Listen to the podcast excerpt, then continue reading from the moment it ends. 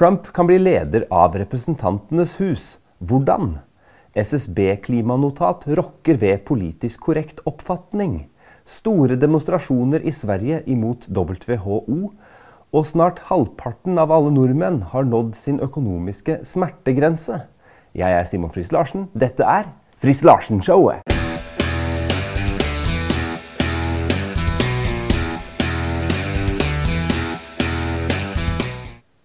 Hvis du setter pris på Friis Larsen-showet, så trykk på 'liker' og del denne episoden. Konservative budskap deles ikke av seg selv.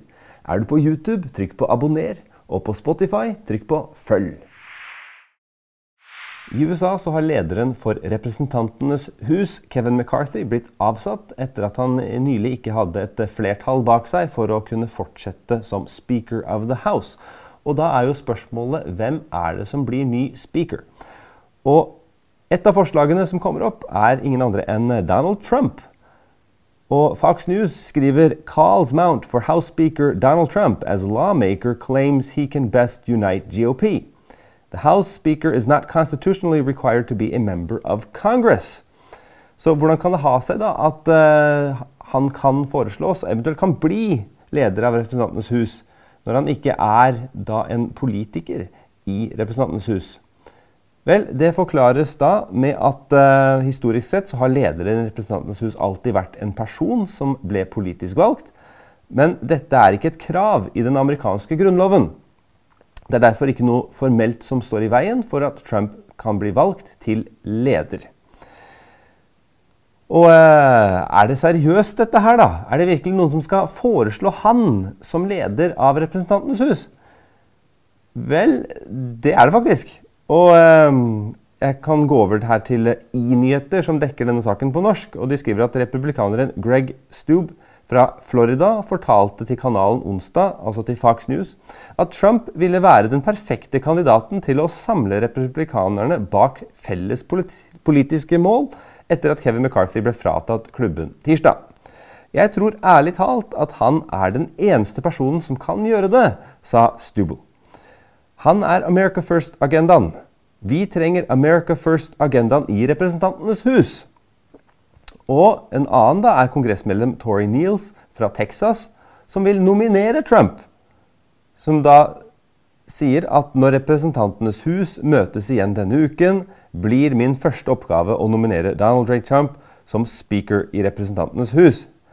President Trump er den beste presidenten i min levetid har bevist at han setter USA først, og han vil 'make the house great again'.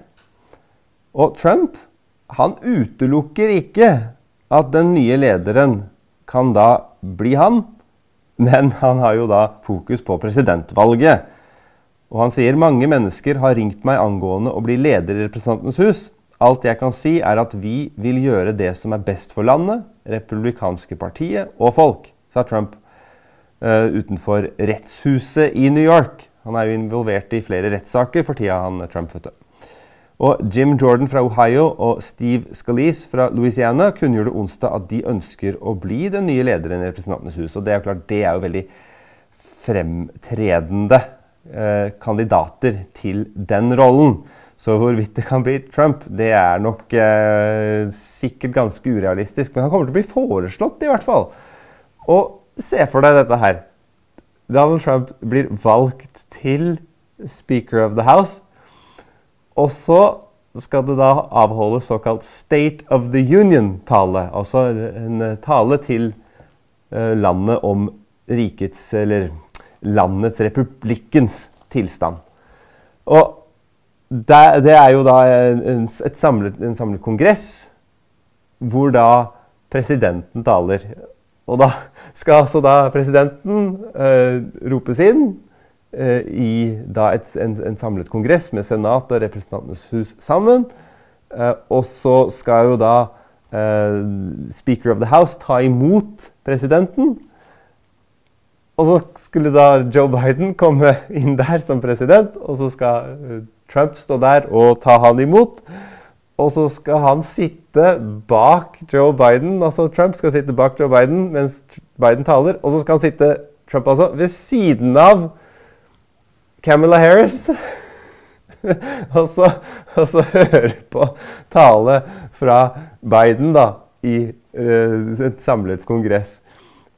Jeg syns jeg kan høre det. Joe Biden.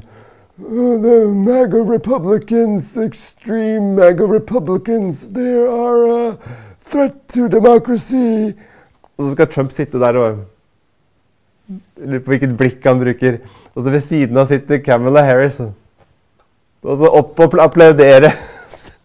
husker jo Nancy Pelosi. Hun, hun tok jo reiv i stykker manuskriptet til Trump etter at talen til Trump var ferdig den gangen han var president og holdt en av disse State of the Union Address. Fullstendig forkastelig oppførsel. Jeg syns jeg kan se for meg Trump sitte og høre på det. Åh, det er litt utrolig. Men uh, kan Trump bli speaker of the house? Det er ganske utenkelig, tror jeg. Men hadde han blitt det, så hadde det vært, hatt noe å si, da. For uh, det hadde jo blitt en konstitusjonell krise om de skulle fortsette med disse rettssakene imot ham, mens han da er nummer tre i rekken for å da bli president. Skulle Joe Biden dø, og så skulle uh, av en eller annen grunn Camilla Harris ikke være der lenger, så skulle han bli president sånn inntil videre. Før han da eventuelt kan bli president igjen ved å bli valgt i 2024. Det er mye som kan skje, altså. Men det hadde i hvert fall vært interessant å sett hvordan utfallet av det der ville blitt. Det får nå være i eh, teorien nå, da. Men uh, veit aldri. Statistisk sentralbyrå har nylig publisert et arbeidsnotat vedrørende klimaendringer og hvorvidt menneskeskapte CO2-gassutslipp har medført temperaturøkninger. Og funnene i dette arbeidsnotatet det går imot den politiske korrekte oppfatningen. Og det som står her da under overskriften 'To what extent are temperature levels changing due to greenhouse gas emissions?' Det er i abstrakte her, siste setning Using theoretical arguments and statistical tests we find, as in Duxvik and others, that the effect of man made CO2 emissions does not appear to be strong enough to cause systematic changes in the temperature fluctuations during the last 200 years. Så altså de siste 200 års eh, temperaturendringer kan ikke tilskrives CO2-gassutslipp som da eh, mennesker har skapt. Og dette får jo da en del til å reagere. Bl.a. her da journalist og kommentator i forskning.no som sier tar SSB ansvar for analysen om at vi mennesker ikke gjør kloden varmere. I to år har Statistisk sentralbyrå vurdert forskningen som avblåser menneskeskapte klimaendringer.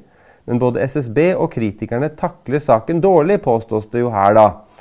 Og en av de som da er med om dette her, som har uh, vært med og skrevet dette i Statistisk sentralbyrå, er da en som heter Dagsvik. Og han skriver på forskersonen.no. Jeg avviser ikke at klimaet kan være påvirket av menneskeskapte utslipp av CO2. Jeg er svært forundret og skuffet over reaksjonene fra en rekke klimaforskere, slik som ansatte ved Meteorologisk institutt, Cicero og Bjerknessenteret for klimaforskning, skriver da denne forskeren. Og det han reagerer på, det er jo da at uh, han uh, syns det er forunderlig, og han er skuffet over reaksjonene. Og sier at hvis kritikken skal tas alvorlig, så holder det ikke å avvise oss som amatører. Men det bør påvises hva som eventuelt er feil i vår statistiske analyse. Videre skilles det ikke mellom hva vi har forsket på, og hva som omtales av forskning andre har gjort. Tonen er usaklig og aggressivt. Dette er lavmål og totalt useriøst. Og det er jo gjerne sånn at hvis du har et synspunkt som går imot den rådende politiske oppfatningen, så blir du gjerne tatt for at du skal sammenlignes med noe du ikke er framfor at man da går i møte med argumentene som man har fremmet. Og hvis at forskningen som her er gjort, faktisk da viser at menneskeskapt CO2-gassutslipp ikke har påvirket temperaturøkningene de siste 200 årene.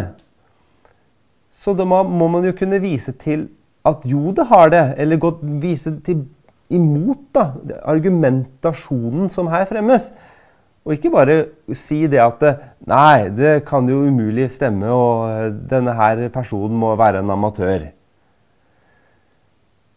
Og han sier jeg viser til kommentaren til denne personen på forskning.no angående denne, dette arbeidsnotatet utgitt på SSBs nettsider, og vil legge til noen utfyllende momenter. Først vil jeg nevne at jeg avviser ikke at klimaet kan være påvirket av menneskeskapt utslipp av CO2. Foreløpig kan det være lurt å innføre klimatiltak ut fra føre-var-prinsippet. Uh, ok, ro, ro, ro, ro, ro. Ok, Men det er vel kanskje sånn man er forpliktet til å si, da. Uh, men uh, føre-var-prinsippet Ok, hvis ikke menneskeskapt CO2 fører til temperaturøkninger, så er det jo ikke noe å være føre var for.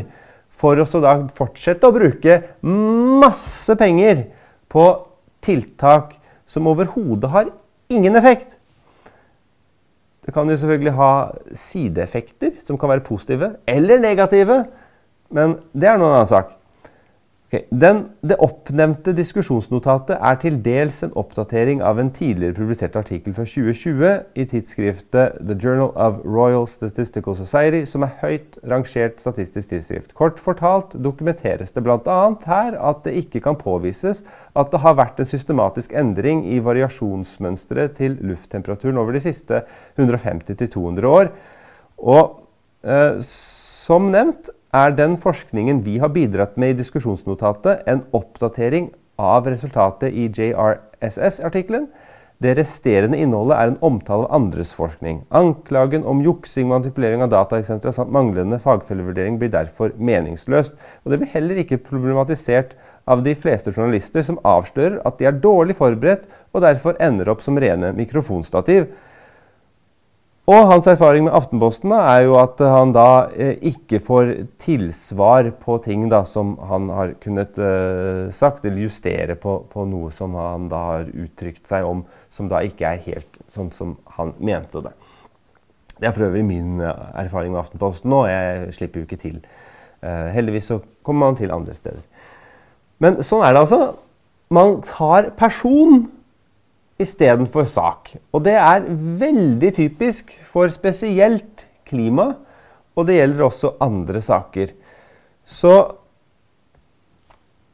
det er bare å fortsette å finne fakta. Men så er det bare det at fakta det overbeviser ikke de som allerede er forutinntatt. Så derfor så må man gå på de premissene som de legger til grunn for sitt syn, og ikke bare vise til fakta hele tida. Og det er jo da først og fremst eh, livssyn det går på. Virkelighetsoppfatning, kunnskapsgrunnlag, moralsyn. Alt dette henger sammen. Og dette her har jeg gjort flere ganger her på Frist Larsen-showet. Jeg gjør det også i politikken. Har en annen oppfatning av klima. Klima går ikke under. Altså, verden går ikke under pga. klima. Det gjør den bare ikke. Og vet du hvorfor jeg vet det? Fordi det, det, står her. I den boka her. Bibelen. Her står det, vet du. Jeg skal lese det nå. Første Mosebok. Det er jo der det begynner, vet du. Og så kapittel åtte. Og så tar vi fra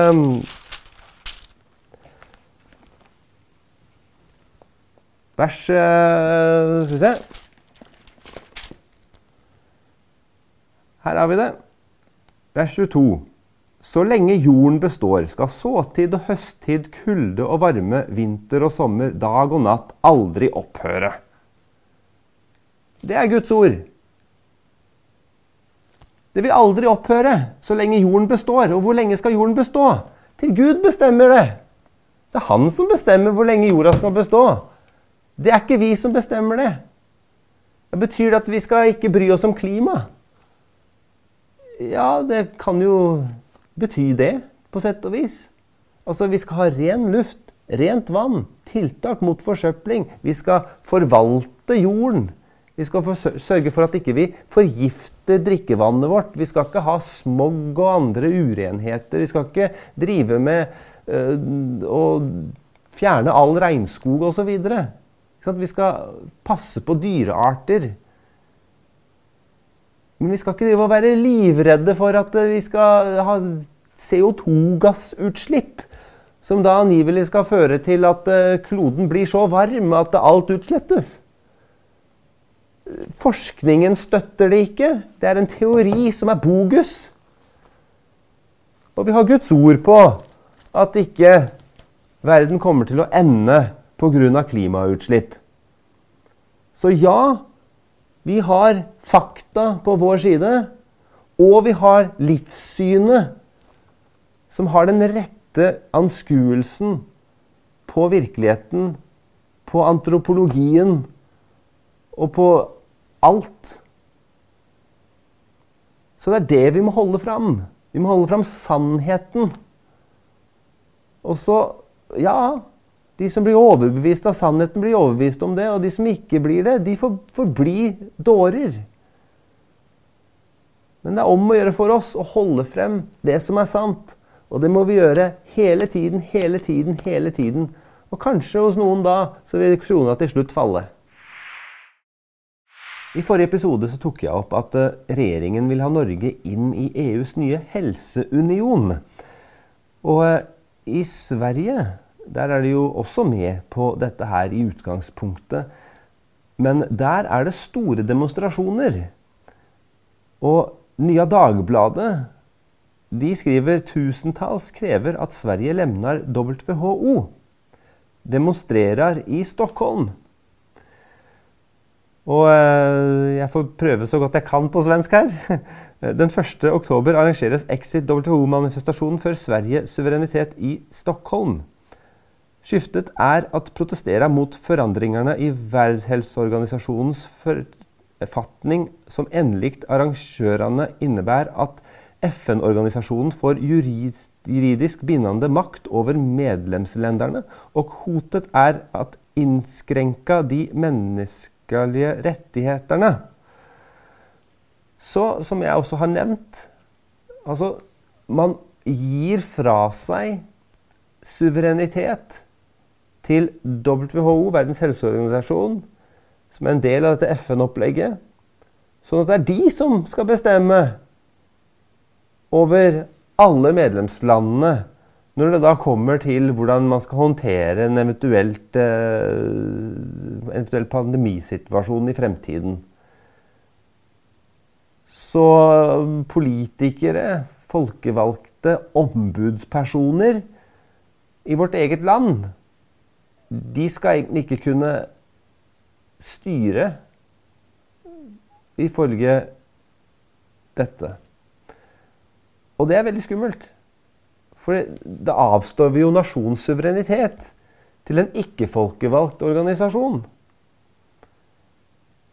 Og hele poenget med demokrati, det er jo at det skal være representativt for at de vi har valgt, de skal representere folket, og så skal de da handle ut fra folks vilje. Representativt. Og der de må ta avgjørelser Eh, som er veldig viktige. Hvor ikke de nødvendigvis alltid kan høre direkte på innbyggerne, fordi at de er nødt for oss å, ta, å være ombudspersoner overfor innbyggerne basert på kunnskap som de har, som ikke nødvendigvis andre har innsikt i. Der skal man være ekstra nøye med at man faktisk vet at man ønsker det beste for innbyggerne, og ikke bare overlater dette her til noen andre som angivelig vet bedre. Og Det er jo det som er i ferd med å skje her. Det er en organisasjon som vi liter på for at gi oss råd om vår helse, foreslår at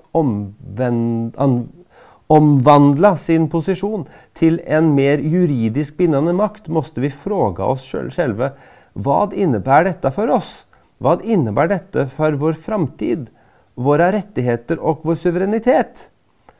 Man mener at forandringene i WHOs fortetning hotar at innskrenka de menneskelige rettighetene, samt risikerer at påtvinga oss medisiner vi ikke samtykker til, og begrensa vår ytringsfrihet. Og derfor velger man også at protestere og kreve at Sverige lemner samarbeidet. Så det er jo ikke rart at det er demonstrasjoner imot dette. Men i Norge så ser vi jo ikke noe til det. Altså jeg tror Norge må, må, være et av de mest konforme landene i hele verden. Man våger jo ikke å si det man faktisk mener. Men i Sverige så er de i hvert fall noe mer frempå. Og det er jo betenkelig. Fordi at vi ønsker i noen sammenhenger ikke å sammenligne oss med Sverige. Men her burde vi jo gjøre det. WHO finansieres av globalister. Man peker videre på at WHO verken er et betrakta som demokratisk folkevalgt eller oberoende uten finansieres av private globale lobbyorganisasjoner og foretak som har sterke økonomiske interessen og incitamenter at forordne en viss helsepolitikk. Jeg vet ikke helt om du forsto den svensken der, men jeg skal ikke oversette meg selv til norsk. Men i alle fall Det er altså interessene til WHO som dette her handler om. Handler det da egentlig om menneskerettigheter, demokrati, frihet, helse? Vi må spørre oss disse spørsmålene. Kommer vi til å få noe ordentlig debatt om dette her? Det tviler jeg på. Man ønsker ikke debatt. fordi at de politikerne vi har, de vil jo være en del ut av denne, denne her fiffen. Det, det har blitt sånn avstand mellom politikere og folk. Og politikere søker seg ut mot dette her globalistiske greiene. Så skal vi kunne gjøre noe med det, så er det faktisk vi vanlige folk som må gjøre noe. Ja, demonstrere er én ting man kan gjøre. Men man må faktisk tenke framover mot fremtidige valg og så si det at ja, men vi, vi ser jo hvilken vei dette går, og da kan vi ikke fortsette å stemme på de partiene og de politikerne som tar oss i den retningen. Da må vi gjøre noe annet. Og Da er det bare å tenke sånn og formidle dette her til alle sammen, så de også gjør det. Ikke bry seg om media, ikke bry seg om hva de politikerne sier. For de vil jo bare slå ned på det og kalle det misinformasjon og desinformasjon og forsøke å hindre kommunikasjon. Men vi må tenke, og så må vi snakke med hverandre. Og så må vi få dette her en sånn grasrotbevegelse. Jeg hadde ikke tenkt å bli partipolitisk i dag, men jeg vil jo selvfølgelig anbefale konservativt. Det er jo da definitivt det beste partiet. Start der. Bli medlem. Sørg for at dette blir stort. Det er på den måten vi er med på å forandre det som kommer til å skje. Dyrtiden vi nå er inne i, har gjort at nær halvparten av oss snart har nådd vår økonomiske smertegrense.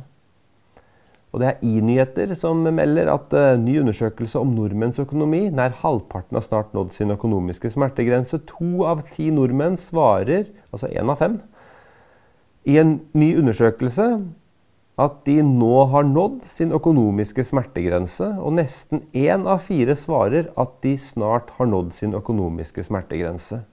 Det kommer frem i en ny undersøkelse gjennomført av Norstat på vegne av Santander Bank i september. Hele 46% sier at de i noen grad, til stor grad, er stresset over egen økonomi.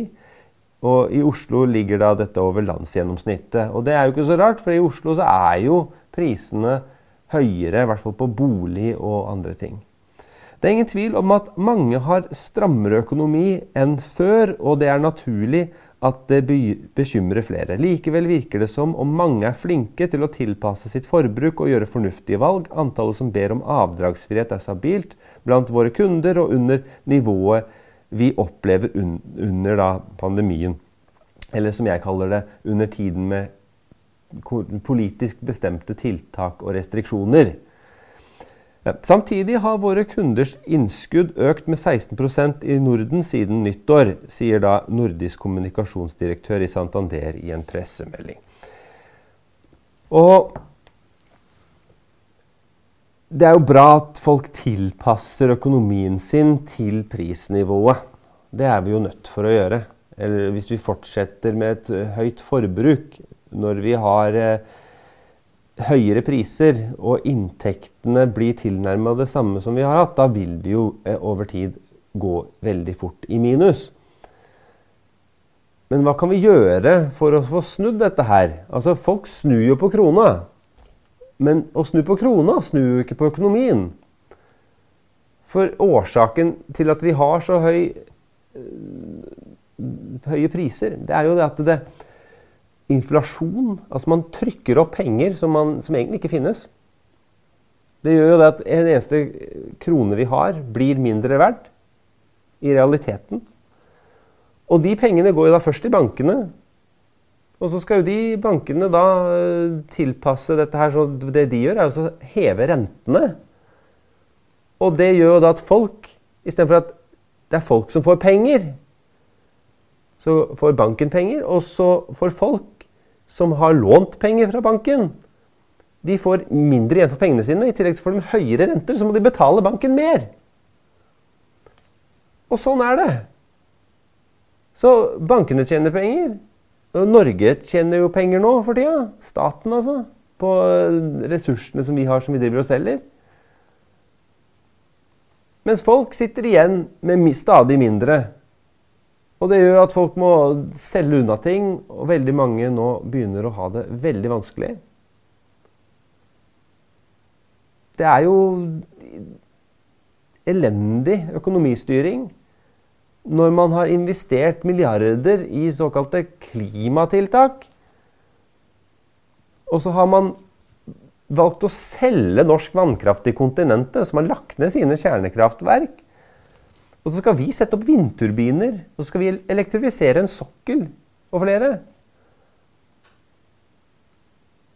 Det blir bare dyrt.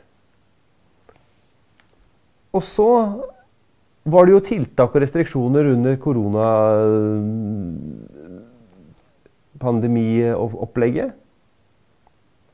Det gjorde jo at alt dette her med logistikk og sånn blei jo opphold i. Firmaer gikk konkurs osv. Ja, det gjorde at enkelte nystarta bedrifter plutselig begynte å gjøre det bra. Fordi at de så en måte å, å, tjene penger i dette her. Og det er klart det er bra at folk eh, ser en mulighet til å starte business og gjøre det bra. Men mm, mange gikk konkurs. Og vi sliter jo selv i dag med ettervirkningen av logistikken som hopet seg opp. Og så er det jo krig og uro i verden. Bruker masse penger på det. Og vi er avhengig av import av matvarer, og det blir dyrere å importere det. Og prisene går opp. Så det er jo politikerskapt krise. Og så er det jo politikerskapt prisøkning. Og så sitter folk og stemmer på det samme og stemmer på det samme og stemmer på det samme. Og tror at det ved å stemme på det samme Altså Da mener jeg enten Arbeiderpartiet eller Høyre eller hvem som helst der imellom, at det skal bli en forandring. Det, det blir jo ikke noe forandring av å stemme på det samme systemet. Nei, man må tenke annerledes. Man må stemme annerledes. Da kan man se en forandring. Ja, det skjer jo ikke over natta nå, for nå er det jo to år til stortingsvalget. Økonomien kommer kanskje ikke til å bli så fryktelig mye bedre i løpet av de neste to åra. Og politikere vil sikkert love oss et eller annet. Og her er en eller annen subsidie. Og her er en eller annen uh, strømstøtte.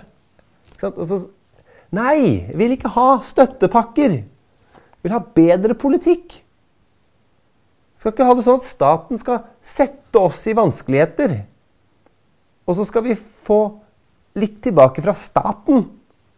Liksom for at vi ikke skal ha, føle at vi har det så vanskelig. Nei, før politikk som gjør at vi kan skape verdier. Så vi kan sette i gang produksjon. Det, det er jo sånn det må være. Og da må man også tenke at uh, vi må ha politikere som tenker sånn.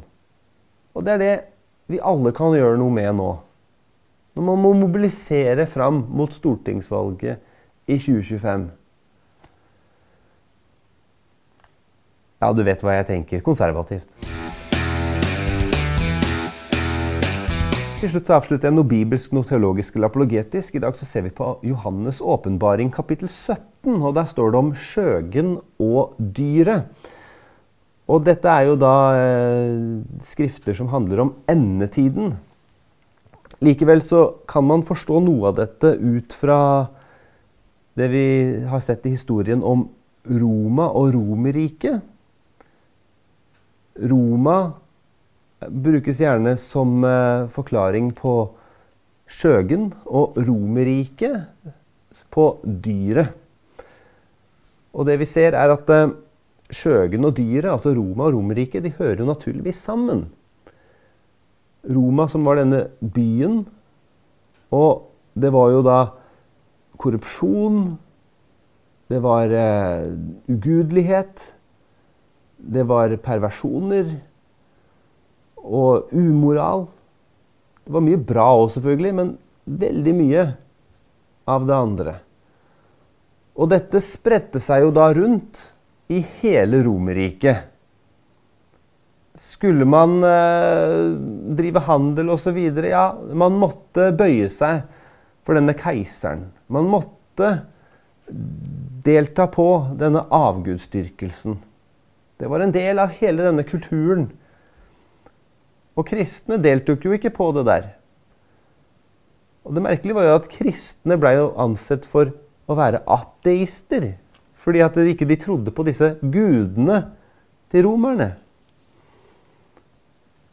Men det står om at Skjøgen, som jo da var sammen med dyret Hun ble forkasta av dyret. Så altså Romerriket gjorde opprør mot Roma. Og det er jo det vi ser, at korrupte umoralske land. Det blir destruktivt. Det er selvdestruerende. Og dette er også et bilde på endetiden. På den tiden som vi er inne i, før Jesus skal komme tilbake. Og det står i vers 17 i kapittel 17. For Gud har lagt ned i hjertene deres å oppfylle hans hensikt. Å ha én og samme tanke og gi deres rike til dyret inntil Guds ord er oppfylt. Det vi ser i dag, det er jo globalismen. Hvordan man alle skal formes til å ha én tanke. Alle skal mer eller mindre tenke akkurat det samme og dyrke det samme og ha de samme symbolene. Og eh, tilbe det samme. Umoral det samme.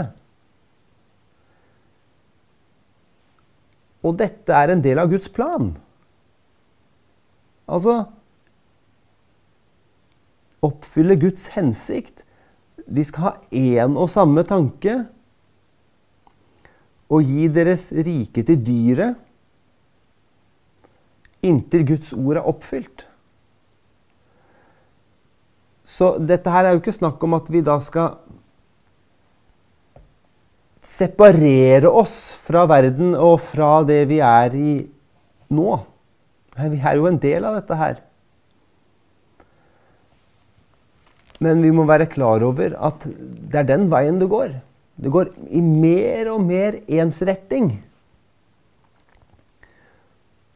Og de eneste som har noe annet i tankene enn det, det er jo oss som er kristne. Vi som tilhører Guds rike. Vi er jo da ikke med på det som skjer i den der ensrettinga og i den der perverteringen og den tankegangen som kommer opp. Men som ved Babylon, eller Babel, rettere sagt. Her så du, ved Babel så skulle de bygge dette tårnet for seg selv. Men det ble gjort til ende. Romerriket, det så sin ende. Den tiden vi er inne i nå, den vil også ha sin ende. Og spørsmålet er jo da om det vil ha sin ende ved at det kommer en ny kristen vekkelse. For det kan jo skje. Eller om det vil ha sin ende ved at Jesus kommer tilbake. Og eh, det vet jo ikke vi, men vi vet det som står i Guds ord. Om at i de siste tider så vil ting være sånn som vi kan oppleve det nå. Så vi må bare fortsette å be om Guds vilje. Fortsette å stole på at vi er en del av Guds hensikt. Og dette er viktig å ha med seg inn i politikken. Fordi at politikk er ikke nøytralt. Og det blir stadig viktigere å ha fram livssyn inn i politikken.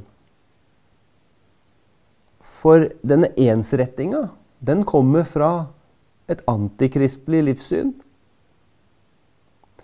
Da må vi som er kristne, ha med oss da det kristne livssyn inn i politikken. For det, det er kristne livssyn som er sant. Og det blir stadig viktigere nå framover å holde fram sannheten. For eh, det er ikke politikken som sådan som er det viktigste. Det viktigste er evigheten. Det viktigste er jo at eh, Guds ord kommer til å bli oppfylt. Og vi må ha fokus på det. I alle sammenhenger vi befinner oss i. Nå også i politikken. Jeg er Simon Friis Larsen. Dette er Friis Larsen-showet.